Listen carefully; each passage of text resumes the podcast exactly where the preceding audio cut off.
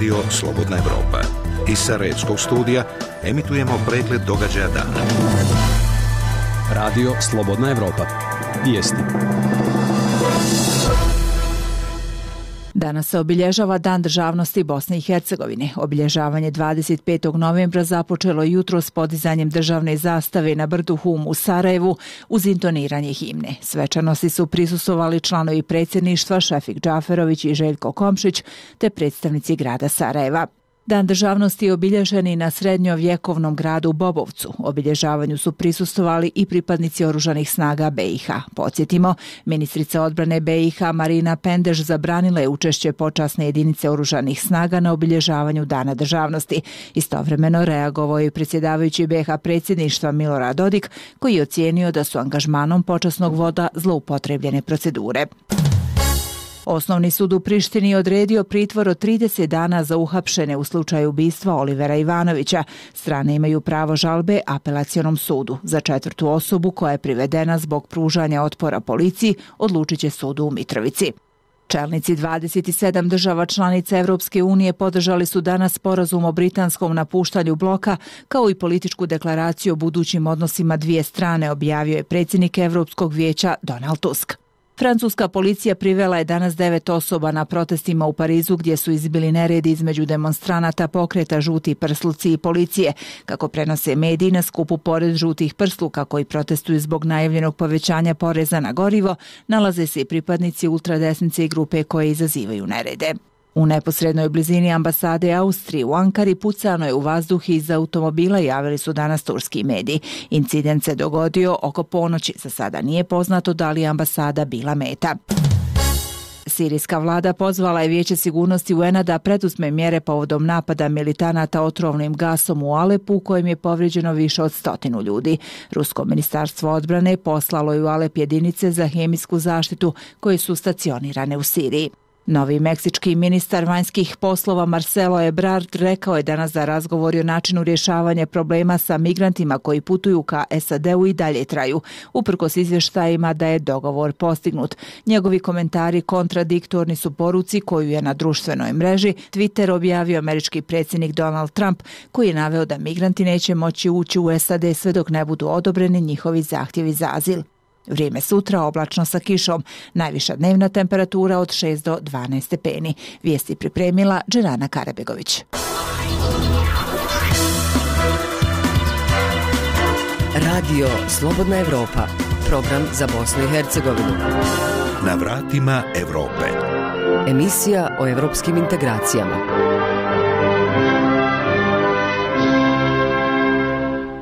Srdačan pozdrav, poštovani slušalci. U emisiji koja je pred nama između ostalog možete čuti.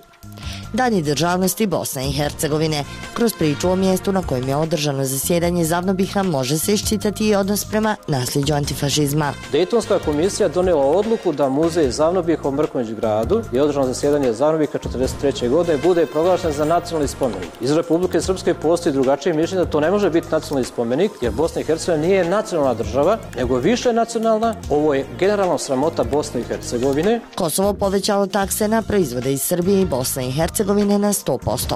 Savjet ministara je zatražio od eh, nadležnih institucija Kosova da povuče ovu odluku jer je u suprotnosti sa pravilima CEFTA sporazuma da eh, ova odluka podriva zonu slobodne trgovine u regionu i potkopava naravno i pravila SSP-a. Obilježena stotinu godina nogometnog kluba Troglav iz Livna. Šta da kažem još o Troglav? Troglav je uvijek u meni bio i vas da će ostati jer puno je nas bilo ovdje koji smo dali puno iz nove krvi na ovom terenu za trogu. Vraćamo se najavljenim sadržajima. Na vratima Evrope.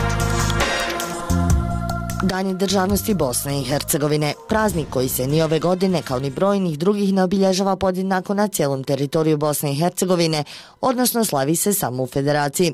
Kakav je odnos prema ovom prazniku i antifašističkoj tradiciji, ali i kakvi su odnosi u Bosni i Hercegovini, najbolje se vidi prema stanju u kome se nalazi kuća u Mrkonjić gradu u kojoj je 25. novembra 1943. godine održano i zasjedanje Zavnobiha. Paučina, slomljena stakla na ulaznim vratima, uništen pod i stolice samo su dio današnjeg prizora. Iako proglašen nacionalnim spomenikom u Bosni i Hercegovini, o ovom mjestu niko ne vodi računa, niti se zna čijoj nadležnosti pripada. Reportaža Dragane Erjevec. Malo je ostalo od tadašnjeg sjaja. U kući u kojoj je održano prvo zasjedanje Zavnobiha ne postoje čak ni biste prvog predsjedavajućeg Vojislava Kecmanovića te sekretara Hasana Brkića. Danas su ostala samo postolja i to u holu kulturnog centra, udaljenom nekoliko stotina metara od kuće u kojoj je održano prvo zasjedanje Zavnobiha.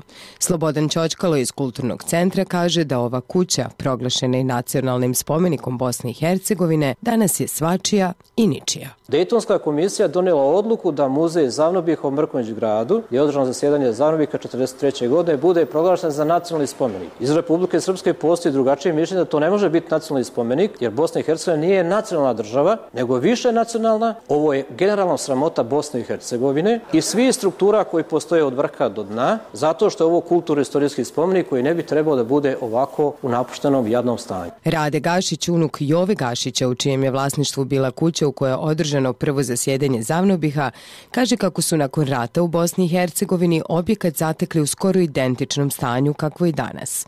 Iako u to vrijeme nije bio rođen, rade se kao dječak sjeća priča o sjenici Zavnobiha koja je održana baš u njihovoj kući. Pošto je moja porodica bila partizanska, imala je dva partizana, a baka je također radila za partizane u drugom svjetskom ratu i imao su veliko povjerenje u našu porodicu. I ovdje je održano zasjedanje Zavnobiha, znači prvo zasjedanje Zavnobiha 1943. godine. Slušao sam neke priče o svoje bake, ona kaže da ni ona baš nije mnogo znala o tome, jer je to održano u velikoj tajnosti, tako da ni ona nije mnogo znala da će nešto bitno biti tu, ali nije znala šta. Međutim, ona je kao domaćica tu pomogla da kajem, donosili su stolice, namještaj već trebalo tu i dekorisali su malo koliko je to bilo moguće u to vrijeme. Nakon drugog svjetskog rata porodici Gašić, kuća u kojoj je održano prvo zasjedanje Zavnobiha oduzete restitucijom. Iako je porodica tražila povrat imovine, za sada ne postoji način da se ova kuća vrati nekadašnjim vlasnicima. Tužno je vidjeti to u ovakvom stanu. Mislim, mi nismo sada u mogućnosti, pošto nema nikakvih ingerencija, da tu popravimo, bar, bar krov da se popravi. Ovaj, a mi smo podnijeli zahtjev za restituciju, odnosno povrat ove oduzete imovine. Međutim, stopiran je zakon o restituciji od strane visokog predstavnika i sad čekamo da će to da se povuče ili šta. Objekat u kojem je održano prvo zasjedanje Zavnobiha namjenski je izgrađen 1896. godine kao trgovina i vlasništvo je porodice Gašić, koji su u tom objektu do 1941. godine držali kafanu. U avgustu 1942. pomenuta zgrada pretvorena u Dom kulture, a objekat je 1953. odlukom Izvršnog vijeća Savezne republike Bosne i Hercegovine pretvoren u muzej prvog zasjedanja Zavnobiha. 2002. godine Komisija za očuvanje nacionalnih spomenika ovaj objekat proglašava nacionalnim spomenikom u Bosni i Hercegovini, o kojem danas više niko ne vodi računa. Za Radio Slobodna Evropa iz Sarajeva, Dragan Erjevec. Evropski standardi za evropsko tržište. Nakon što je Kosovo odlučilo povećati carine na proizvode iz Bosne i Hercegovine i Srbije za 100%, vijeće ministara Bosne i Hercegovine zatražilo je od kosovske strane hitno ukidanje ovih mjera jer se kose sa sporazumom CEFTA. O koracima i stavovima Bosne i Hercegovine o ovom pitanju govori ministar vanjske trgovine i ekonomskih odnosa Bosne i Hercegovine Mirko Šarović. Konstatovali smo da nije poštovana obična procedura i da Bosna i Hercegovina nije ni konsultovana oko ovih mjera, ali ni nakon donošenja nismo, nismo kao strana CEFTA sporazuma obavješteni na bilo koji način i smatramo da je i to jedan, jedan veliki propust od strane kosovske strane. Savjet ministara je zatražio od nadležnih institucija Kosova da povuče ovu odluku jer je u suprotnosti sa pravilima CEFTA sporazuma da ova odluka podriva zonu slobodne trgovine u regionu i podkopava naravno i pravila SSP-a, a također savjet ministara je zatražio od Evropske komisije i komesara Hana da predusmo odgovarajuće mjere, imajući u vidu da je ovim aktom ozbiljno ugrožen i sporazum o slobodnoj trgovini, odnosno SSP, koje sve zemlje Zapadnog Balkana imaju sa e, Evropskom komisijom, odnosno da se uključe u ovaj proces i imajući u vidu da Evropska komisija ključni financijer CEFTA sporazuma finansira sektorijat sa više od 50% ukupnih e, potreba i svakako mi mislimo da e, Brisel, odnosno Evropska komisija, treba da ostvari svoju ulogu i svoj utjecaj na kosovske vlasti kako bi ukinule ovu diskriminatorsku mjeru. Imate li povratnu informaciju od Evropske komisije? Pa nemamo izzev što vjerovatno ste i vi o tome obavešten da je komisar Han dao potpuno jasno nedvosmislenu izjavu, odnosno ocjenu o ovom činu, tražeći od kosovske strane da ove mjere hitno, hitno ukine, a govorila je i gospođa Mogherini. E, mi ćemo insistirati na tome, obzirom da Bosna i Hercegovina ničim je doprinjela na bilo koji način uh, uvođenju ovih e, mjera koje nisu apsolutno skladu sa pravilima i duhom CEFTA sporazuma, odnosno slobodne trgovine. U okviru regionalnog programa sprovođenje normi mijenjanje stavova, kojeg finansira Evropska unija, a provodi organizacija UN Woman u saradnji s organizacijama civilnog društva Vive žene iz Tuzle, u osnovnim školama održavaju fakultativne radionice kako bi među djecom razbili predrasude i potaknuli ih da među ljudima ne prave razliku i uče o rodnoj ravnopravnosti. Detaljnije Maja Nikolić. Jedna od najvažnijih zadaća današnjeg društva je podići svijest o rodnoj ravnopravnosti među djecom. Naime, kod ljudi u Bosni i Hercegovini, posebice među najmlađima, uvriježeno je mišljenje da muškarci i žene nisu ravnopravni. Razbijati predrasude i sprečavati nasilje morala bi biti jedna od glavnih odgojnih metoda u školama. Erma Mulabdić iz Međunarodne organizacije UN Women. Raditi sa djecom je samo jedna komponenta prevencije, potrebno je raditi sa mladima, generalno potrebno je raditi e, sa e, ženama i muškarcima odraslim kako bismo e, spriječili nasilje u porodici, e, kako bismo uputili žene koje su u riziku da budu žrtve nasilja u porodici e, na dostupne usluge i mehanizme zaštite koje se nalaze u njihovim zajednicama. Djeca, zahvaljujući predrasudama i stereotipima koje su ukorijenjene u njihove sredine, nerijetko prema drugima i drugačijima nastupaju s prezirom. Zato je, kaže nam Selma Bajramović iz organizacije Vive žene Tuzla, neophodno govoriti o ovom problemu kako bi buduće generacije bile odgojene na principima prihvaćanja, a ne odbacivanja. Školski sistem je orijentisan je na, uč, na učenje, na sticanje novih znanja i veoma malo se posvećuje pažnja u stvari samim osjećanjima, samim ispoljavanju individualnosti svakog djeteta. Tako da mislim da je ovaj tip rada sa djecom potreban ne samo za jednu školu, nego da bi bio potreban za sve škole i za svu djecu. Jer kada bi imali, sva djeca imali priliku da budu, da kažu ono što misle i osjećaju i da budu prihvaćeni od stvaranje svojih vršnjaka, onda bi stopa nasilja bi bila stvari puno niža. Pitali smo i 12-godišnjake vodili se nekada predrasudama Din, Melika i Emir. Žena znači može kao što je mutkarac i to znači zavisi od ženinog izbora koji želi da ono, ako želi da radi kao posao što je muškarac, to i treba da radi što želi. I trebalo bi ovakve redunce da imaju u svim školama da, da bi se moglo da sva djeca nauči kako treba znači ravnopravnosti između da ne bi bilo nikakvi sukoba nego spolova. Nas, mislim, svi smo jednaki i naučila sam mnogo toga na ovim radionicama, pogotovo na ovoj da znam razlike neke, da su me djeca izazila zato što sam puno mlađa i mislim se da ja ne mogu neke stvari uraditi u sportu, ali u stvari trenerca me pogurala i uspjela sam ono jasno. Danas rekao jednu zanimljivu stvar, da ti baš nije toliko obično da žena bude automehaničarka. Zašto? Pa zbog toga što su žene više za čišće poslove nego za prljanje oko auta. Koliko su tebi ove radionice pomogle, što si ti sve naučio? Pa naučio sam mnogo stvari i pomogao su mi u sporazumijevanju sa drugima. Sve ovo dovoljno govori koliko je razgovor u školama s djecom o već izgrađenim predrasudama važan.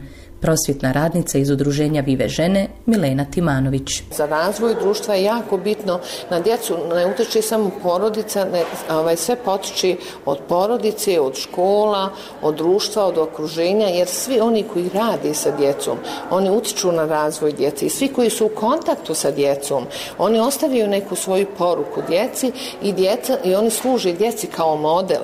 Dakle, mislim da bi ovo stvarno trebalo eh, da se više ovome posviti računa i mislim da bi bilo mnogo manje nasilja, mnogo više ravnopravnosti. Ovakav odgojni način danas je glavni standard obrazovanja u zemljama Europske unije. Selma Bajramović. Sve, sve ove u stvari projekte, projekte orijentisane na ovaj način, e, Evropska unija je jako dobro prepoznala, to su njihovi standardi i zato, vjerovatno zbog toga oni podržavaju već duži niz godina ovakav rad za djecom. Mi smo trenutno u UN projektu sa njima, ali ovaj vid rada Vive žene provode već duži niz godina. Škola je zapravo drugi dom djeci i zato bi obrazovna politika Bosne i Hercegovine morala biti jedinstvena i zasnovana na europskim principima. Mladi i evropske integracije. Još malo ćemo kod mladih. Ovaj put poduzetnika s Mostarskog područja koji su zahvaljujući programu prekogranične saradnje kojeg finansira Evropska unija dobili odlične uslove za rad i to potpuno besplatno. Radi se o zajedničkom prostoru za rad čije resurse mogu koristiti kako bi realizirali svoje ideje i tako se zaposlili. Slušamo Mirsana Behrama. Studenti informatike Aydin Heldovac i Admir Dizdar pokrenuli su startup pod nazivom Sajter. Njihova ideja je aplikacija namijenjena turističkim agencijama za kreiranje ponuda i komunikaciju sa klijentima.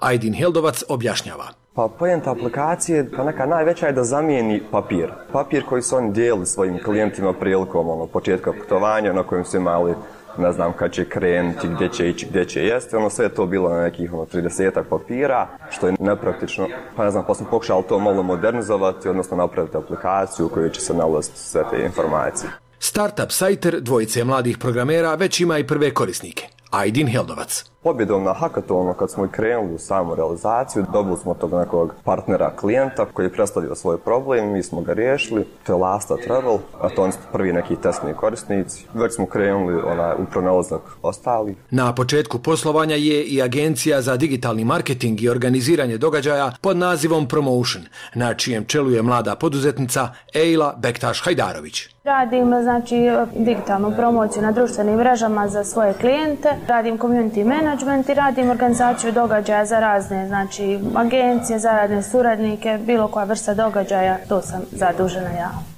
Prvi koraci ovih biznisa mladih ljudi bili bi nemogući da nije projekta pod nazivom Code Hub, kojeg Tehnološki park Intera iz Mostara provodi sa partnerima iz Hrvatske i Crne Gore u programu prekogranične saradnje kojeg finansira Evropska unija. O čemu se radi objašnjava marketing koordinator u Tehnološkom parku Intera Ana Bogdanović. Dakle, ovo je prostor koji se prostire na više od 130 kvadratnih metara i oni na raspolaganju imaju zapravo osim same fizičke infrastrukture neku dodatnu opremu, salu za sastanke, Skype sobe, terasu, kuhinju, malu knjižnicu, pristup sadržajima poput mentorske podrške, mita, paradionica, edukativnih e, evenata i sl.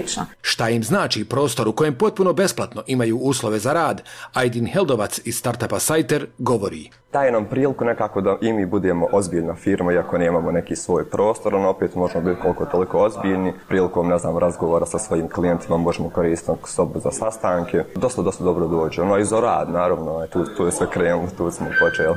Ejla Bektaš-Hajdarović iz agencije Promotion dodaje da je Code Hub idealno mjesto za rad. Trenutno radim tu po 4 sata jer kući imam malu bebu, pa mi je taj cijeli proces radni ovdje puno ugodniji i smireni i iskoristila sam ovaj prostor, znači da tu dolazim svakodnevno. Tu mi je lijepo isto zbog toga što ovaj, nije zapušeno, nije zadivljeno, imamo svu moguću tehnologiju opremu na raspolaganju.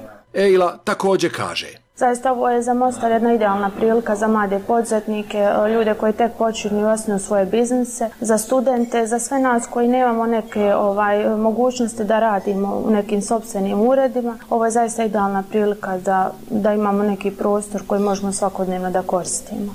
Mladi poduzetnici ističu da bi bez Code Huba njihovi počeci bili gotovo nemogući. Ajdin Heldovac naglašava. Ne znam, nekako se skupljali vjerovatno po stanovima što i baš nije najpraktičnije. Onaj, ne znam, ovdje je baš ono radna atmosfera, ono dođeš ovdje baš ono natjera da radiš. Ono, bili vjerovatno po kafićima negdje radili, ono nešto tako, jer ono, ne možemo priuštiti još uvijek svoj prostor. U Tehnološkom parku Intera kažu kako već imaju preko stotinu mladih korisnika Code Huba i sve što je potrebno jeste da se mladi registriraju kako bi koristili usluge tog besplatnog prostora za rad. Marketing koordinator u Tehnološkom parku Intera, Ana Bogdanović, dodaje. Ovaj projekt traje do kraja sljedeće godine, dakle do kraja 2019. godine, a Intera Tehnološki park, park zajedno sa svojim partnerima iz Zadra, Nikšića i Tuzle će nastaviti pisati novi projekt u okviru istog programa kako bi ovu priču omogućili da traje i dalje. Za Radio Slobodna Evropa iz Mostara, Mirsad Behram. Reforme za Evropu. U Travniku je ozvaničen početak projekta pod nazivom Razvoj turističke rute oko stare željeznice i valorizacija kulturnog, prirodnog i nematerijalnog nasljeđa Srednje Bosne. Cilj ovog projekta koji podržava grupa nacionalnih instituta za kulturu Evropske unije je da se oko stare željeznice napravi zelena turistička ruta koja prolazi kroz četiri općine. Priču donosi Marija Augustinović. Prije više od 100 godina u pogon je pušten voz za prevoz rudara s područja Donjeg Vakufa, Jajca, Travnika i Viteza. Trasom nekadašnje pruge vozovi danas ne prolaze, a projektom zelene transverzale planirano je njeno pretvaranje u turističku atrakciju.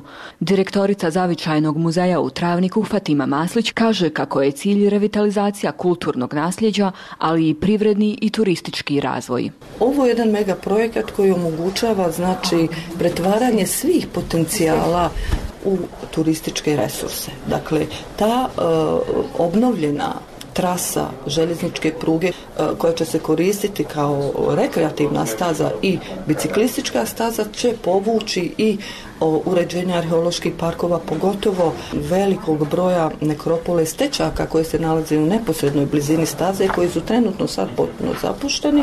Zatim kulturnog nasljeđa, staza uvezuje historijske gradove, jajce, Donji Vakup, Prusac, Travnik i tako dalje. Znači, kompletno kulturno na nasljeđe bi se na neki način prezentiralo, obnovilo a tu su naravno i prateće uslužne djelatnosti, obrti i tako dalje. Ukoliko četiri općine kojima je nekad prolazila pruga pokažu snažnu volju kako bi zelena transverzala zaista i zaživjela, Koordinatori projekta očekuju i sredstva iz međunarodnih fondova. Projekt je trenutno u fazi kampanje i razmjene evropskih iskustava pod vodstvom klastera nacionalnih instituta za kulturu Evropske unije predsjednik klastera Emanuel Morier. Projekt koji namjeravamo provesti ima cilj promovirati sjajno kulturno nasljeđe Bosne i Hercegovine. Transformiranje stare željeznice u turističku rutu najbolji je način da se to uradi. Ovo je zajednički projekt zemalja Evropske unije i nadamo se da ćemo pružiti doprinos promoviranju bogatog i zanimljivog nasljeđa travnika i okolnih gradova. Projekt Zelene transverzale omogućit će promociju promociju kako kulturne baštine, tako i lokalnih proizvoda u Srednjoj Bosni, smatra Ketrin Polpon, koordinatorica projekta i ataše za kulturnu suradnju u Francuskoj ambasadi. U tome, kako kaže, od velike pomoći mogu biti iskustva drugih evropskih zemalja. Alors, euh, c'est une initiative euh, vraiment très... Dakle, ovo je jako važan projekat koji se fokusira na restauraciju stare željezničke pruge u centralnoj Bosni, putem, putem koje će se promovisati i lokalni proizvodi i kulturna baština u cijeloj cijeloj regiji. Dakle, putem restauracije te uh, zeleni transverzale, vam reći, uh, će da se uh, produži i poboljša turizam u ovoj regiji, čime će dolaziti turisti i iz Bosne i Hercegovine regiona, ali i iz inostranstva.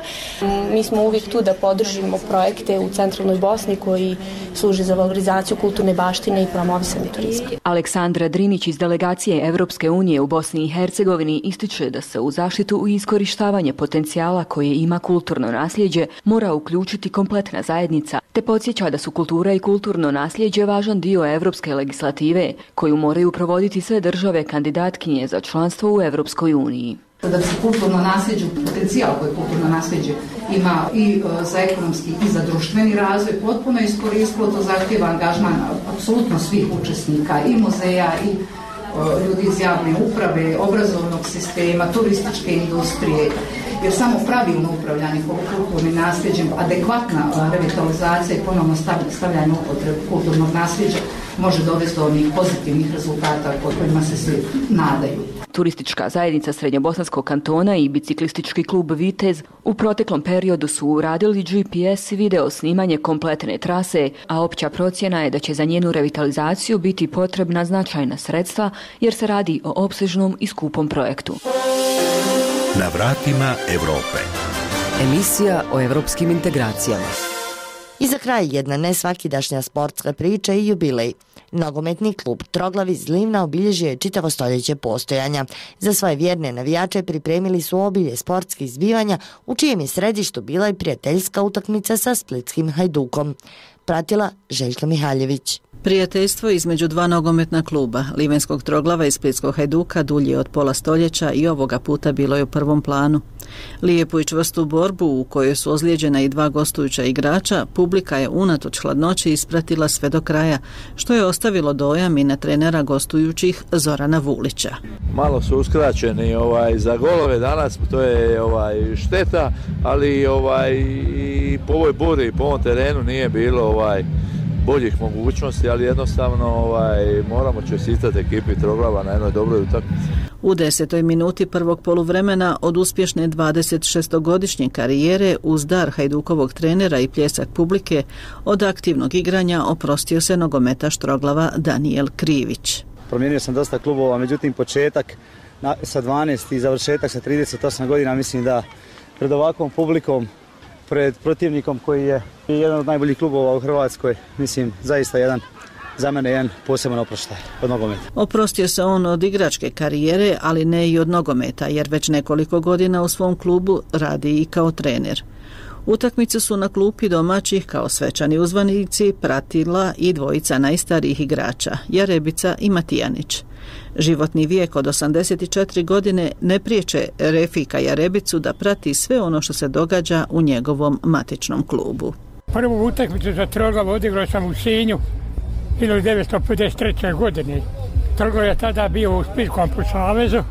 Bio sam trener pionira, juniora, pomoćni trener, profesionalni trenerima koji su dolazili u Livno. Tada kažem još o Trogla. Trogla je uvijek u meni bio i vas da će ostati jer puno je nas bilo ovdje koji smo dali puno znoje krvi na ovom terenu za troglo. A bio je trener i sada proslavljenom izborniku hrvatske reprezentacije Livnjaku Zlatku Daliću. Pa to je bilo 82. godine, tada je Zlatko imao jedno 15,5 godina, nekom 35 godina još se nismo rukovali susreli, a volio bi ga vidjeti. Velika mi je želja da se s njim pozdravim. Troglavov najbolji igrač svih vremena zasigurno je Mladen Matijanić, a bio bi Hajduka da ga nisu spriječili ozbiljne ozljede. Koji klub mu je bliže srcu? Volim i jednako. U Troglavu sam poniko, a tamo sam proveo najljepše trenutke svog života.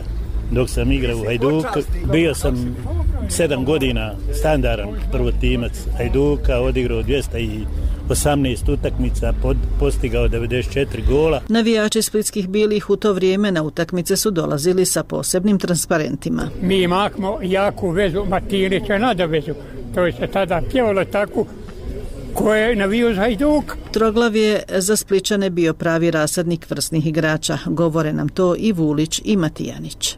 Imali smo tu puno igrača koji su došli iz Troglava u Hajduka. Ja se nadam će ta suranja trajati, ja bih rekao ono, do vječnosti. Iz Troglava je otišlo 10, 12 igrača, počev od mene pa Gorana Popovića, Čeke, Nike, ovoga malog Zlatka Dalića, ovoga Ivice Perkovića koji je čak bio i kapiten u ekipi u kojoj je igrao Jerković, Johnny, Buljan. Bez obzira na uspjehe i padove, Troglav je i ponos Livna, a dugoročni prioriteti puno su više od trenutnih rezultata.